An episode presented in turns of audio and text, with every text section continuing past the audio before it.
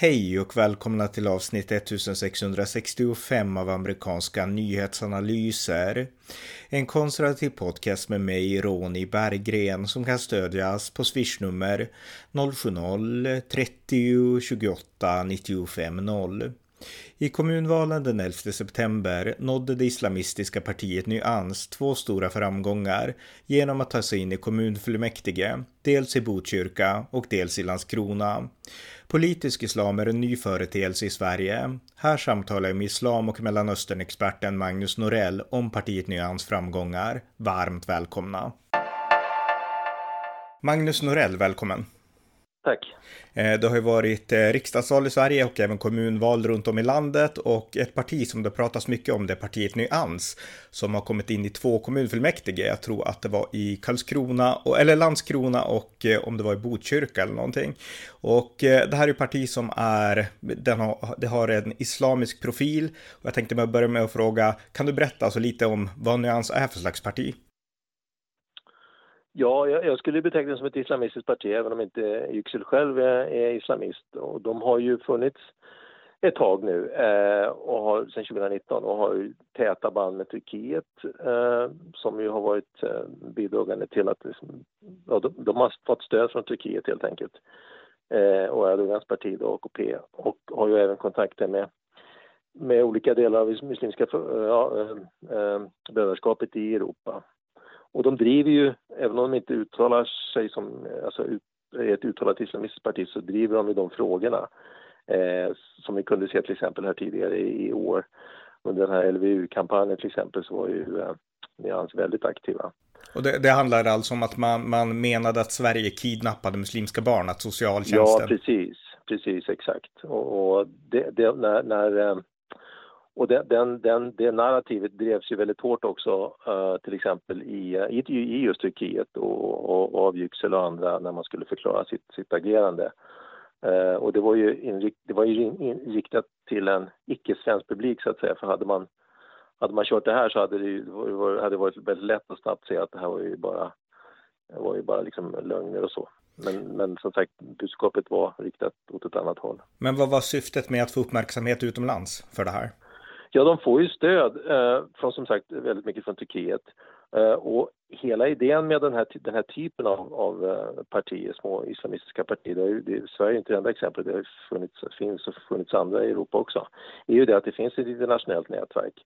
Och kan man piska upp stöd då eh, från andra håll, och det, det, det, blev ju en effekt också nu under den här LVU-kampanjen eh, och även under, under uh, upploppen i påskas då, att, att det kom det skrevs mycket om det i, i tidningar eh, runt om i Mellanöstern till exempel och, och, det kolporterades ut en bild av Sverige som mycket eh, islamofobiskt och antimuslimskt och så vidare. Och så vidare. Och mycket av det kom ju från den här, de här kretsarna.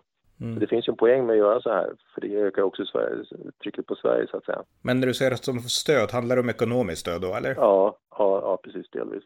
Mm. Eh, och du säger att partiledaren Yüksel, han är alltså inte själv kanske islamist, men alltså partiet samlar ändå de här uh, islamistiska krafterna. Ja, de driver de, de frågorna. Eh, eh, Yüksel har ju varit, han, han fick ju avgå från Centern, han var ju centerpartist först då, och innan dess hade man också aktiv i Miljöpartiet om jag inte minns fel. Eh, så att han har ju prövat lite olika delar. Eh, så att det är inte, det, den där parti, så att säga, partitillhörigheten måste inte nödvändigtvis vara det mest effektiva, eller det viktigaste här utan det är frågorna man driver. Eh, och hans, hans fokus, eller partiets fokus är just på frågor som kan beröra eh, människor i de så kallade utanförskapsområdena och så vidare. Och det, tror, och det var, valet visar att, att, att, att det har han lyckats ganska väl med. Och han, har gjort det, han har gjort det rätt, han har byggt från grunden, han har skapat lokala organisationer, han har tagit röster från, eh, från ja, S naturligtvis och även i viss mån skulle jag tro från Vänsterpartiet och Miljöpartiet. får man väl se då när när, när valanalyserna kommer. Så att han har gjort det här på ett korrekt sätt för att då vinna, stegvis vinna insteg eh, och inflytande.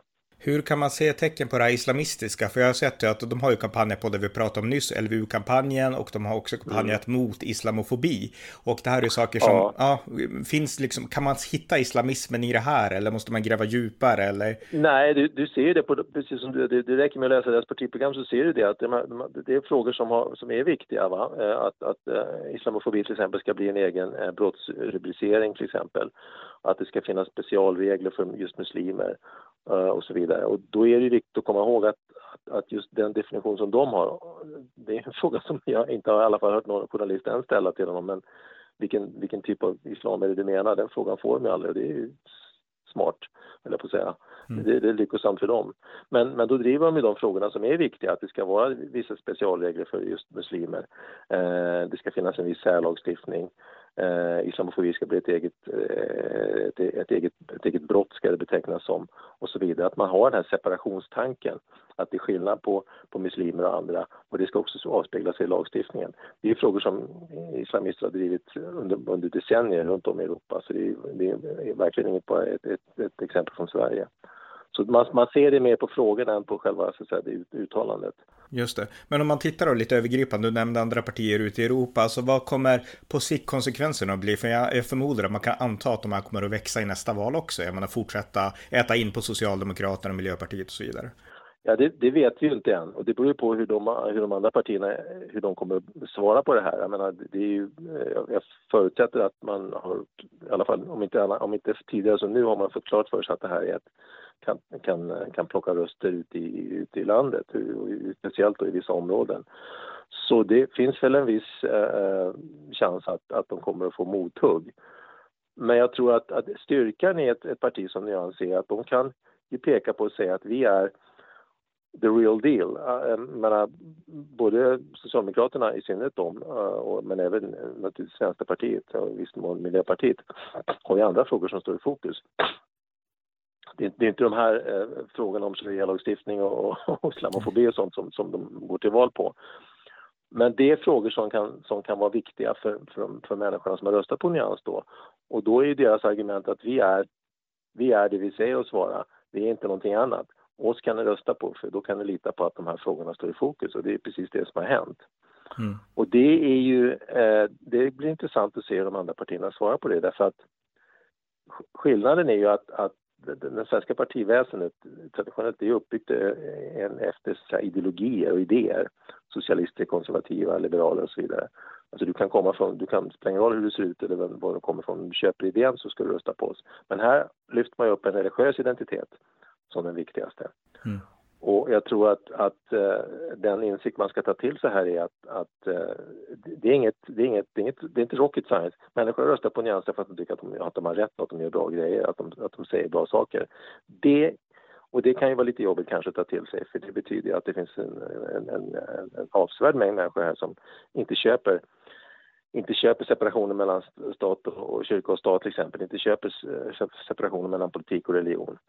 Eh, vill driva eh, eh, separatistiska frågor på ett sätt eh, som vi naturligtvis går helt på tvärs mot det, mot det politiska systemet i Sverige. Nu är de ju väldigt små fortfarande och det, det kan ju hända mycket så man kan inte säga någonting om nästa val men jag tror att det är, just, det är just den insikten som bör komma till här, att man förstår att det här är allvar och att det finns många människor som inte har köpt vårt sätt att, att, att vara på. Och det måste man ta, ta på allvar och ta hänsyn till. Och frågan är då vad man ska göra åt det om man, om man inte gör det, om man lämnar det så att säga, då, då tror jag att du kan få rätt att, att det kan växa till, till nästa val. Så det beror på svaret helt enkelt, vad man, hur, man, hur man svarar på det här. Ja, och det här är en fråga som jag tycker många blundat inför, både politiker och journalister under väldigt lång tid, alltså faran och potentialen i det här. Men har du någon slags, finns det något land i Europa där det här har gått ännu längre, där vi kan se kanske vad som skulle kunna hända här? Finns det något annat land i Europa som har kanske ett ännu starkare islamistiskt parti? Nej, alltså det, det vet jag inte om det gör så, men, men lokalt finns det naturligtvis, i Holland till exempel, så, så, så, finns det väl en del kommunala exempel. Men sättet som politisk islam eller islamister arbetar, framförallt då genom Muslimska brödraskapet, är ju att skapa många olika organisationer. Man måste inte skapa ett politiskt parti, det har man gjort här, men, men det är inte det är egentligen det är inte det primära tror jag, utan man, man skapar organisationer som arbetar i, i rådande struktur. Eh, eh och det kan ju vara att man, att man, att man eh, går med i olika normala, alltså vanliga partier det, det, det är ett sätt, jag menar, eh, Mehmet Kaplan till exempel, Omar Mustafa, de har exempel Abdelizak Baberi. De hade ju olika partitillhörighet men arbetade utifrån samma mål så att säga. Så det är ju det vanliga och mer, mest effektiva i ett västeuropeiskt demokratiskt synpunkt att göra på det viset.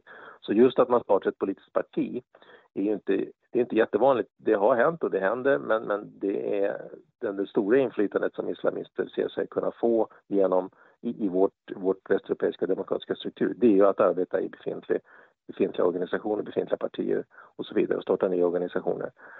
Så och det tror jag kommer att fortsätta, för det har man ju lyckats ganska bra med på olika sätt då.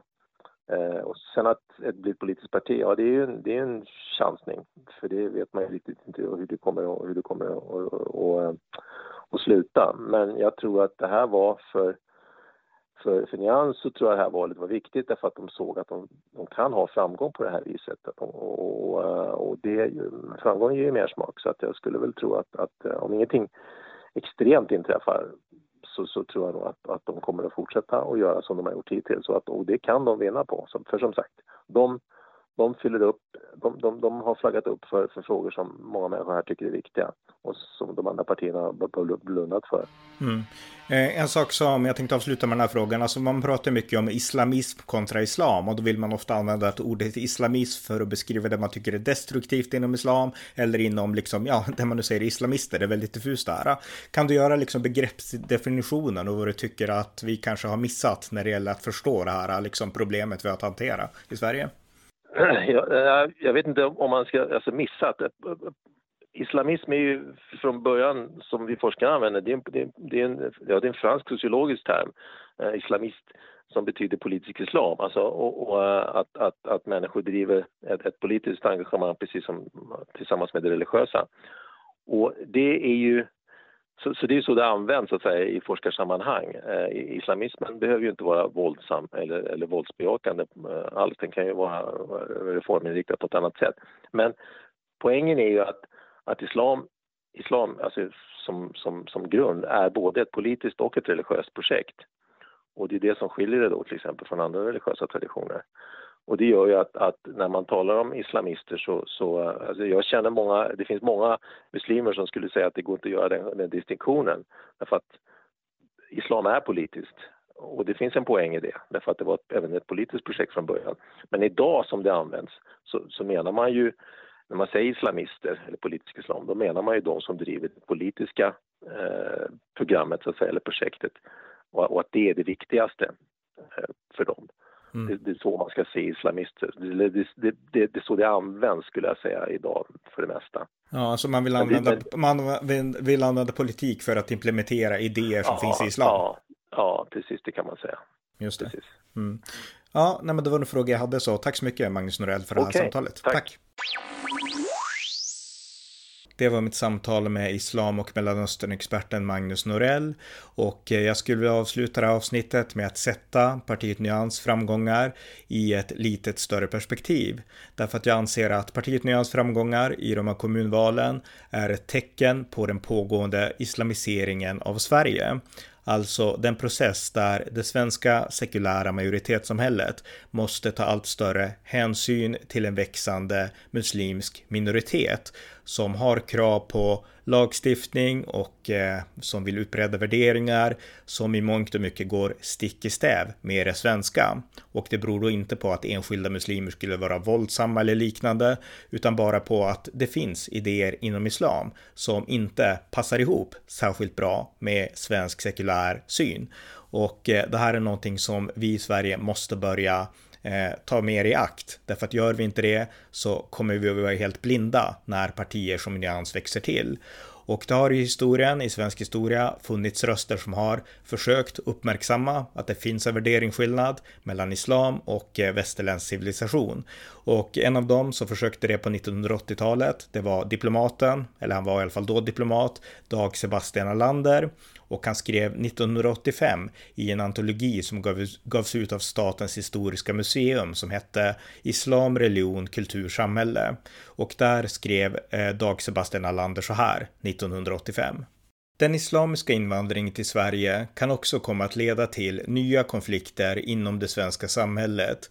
Enligt svensk uppfattning råder religionsfrihet i Sverige, men den uppfattningen bygger på en privat syn på religionen. För en muslim är en stor del av vardagens levnadsregler baserad på islam, samundervisning av pojkar och flickor, sexualundervisning, synen på kvinnans ställning, kravet på att slakt ska utföras ritualenligt, kravet på fredagen som helgdag är alla potentiella konfliktkällor för muslimska invandrare i det svenska samhället och som ytterst är religiöst grundade.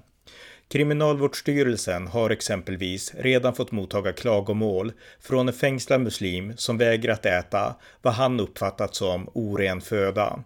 Fängelsemyndighetens försök att tillgodose hans begäran genom att servera fisk har inte godtagits eftersom svaranden hävdat att hela köket med grytor och slevar var förorenat genom kontakten med griskött. Muslimer har vidare en annan uppfattning om giftasålder, månggifte, skilsmässa, arv och vårdnaden om barn som ställer Koranen i direkt konflikt med svensk lag. Det kan på sikt leda till krav på särskild lagstiftning för muslimska invandrare. Sådana krav har framförts i andra icke-muslimska länder och ofta understötts av oljerika islamiska stater genom deras ambassader. Det är synsätt och påtryckningar som är främmande för svensk opinion och grundläggande svenska värderingar. Sammanfattningsvis kan man konstatera att det i framtiden finns betydande risker för konfrontation mellan västerländska länder som Sverige och olika länder inom den islamiska kulturkretsen. Vi måste hela tiden hålla drömmen om den stora generalkompromissen mellan olika länder och kulturer levande, utan att tappa bort de grundläggande värderingar om frihet och mänskliga rättigheter som vi upplever oförytterliga och som utgör västerlandets bidrag till mänskligheten. Det var alltså ett citat av Dag Sebastian Alander 1985 i antologin Islam, religion, kultur, samhälle och eh, jag tycker att han sätter fingret på det vi kan se i ännu större utsträckning nu, att eh, partiet Nyans och dess framgångar, det visar verkligen att den form av islamisering där Sverige tvingas anpassas efter en annan islamisk värdegrund, eh, den har besannats och det med råge. Och partiet Nyans är bara ett litet exempel på det, men det är ändå det senaste och just nu det mest omtalade exemplet.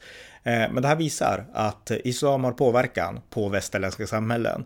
Där kommer en stor muslimsk minoritetsbefolkning, där tvingas på sikt länderna alltid att anpassa sig mer och mer efter islam. Alltså efter den tro där man tror att Koranen är ledningen för hur man ska tänka och leva och tro. Och eh, vi kan ju hoppas såklart att eh, islam ska bli ungefär som kristendomen, reformerat, eller att muslimska miljöer ska kunna bli som Svenska kyrkan, anamma socialdemokratiska värderingar och västerländska värderingar då såklart. Men det är inte så enkelt och eh, jag tycker verkligen att de här varningsorden får man ändå säga från 1985. Det måste tas i akt och inte minst nu i ljuset av eh, partiet Nyans och andra liknande rörelsers framgångar i Sverige och i väst. Så att det var det som var min övergripande mitt övergripande extra perspektiv som tillägg då till det här samtalet ni har fått höra. Ni har lyssnat till amerikanska nyhetsanalyser, en konservativ röst i det vänsterliberala svenska mediebruset som kan stödjas på swishnummer 070-30 28 95 0 eller via hemsidan på Paypal, Patreon eller bankkonto. Skänk också gärna slant till valfri Ukraina-hjälp. Tack för att ni har lyssnat.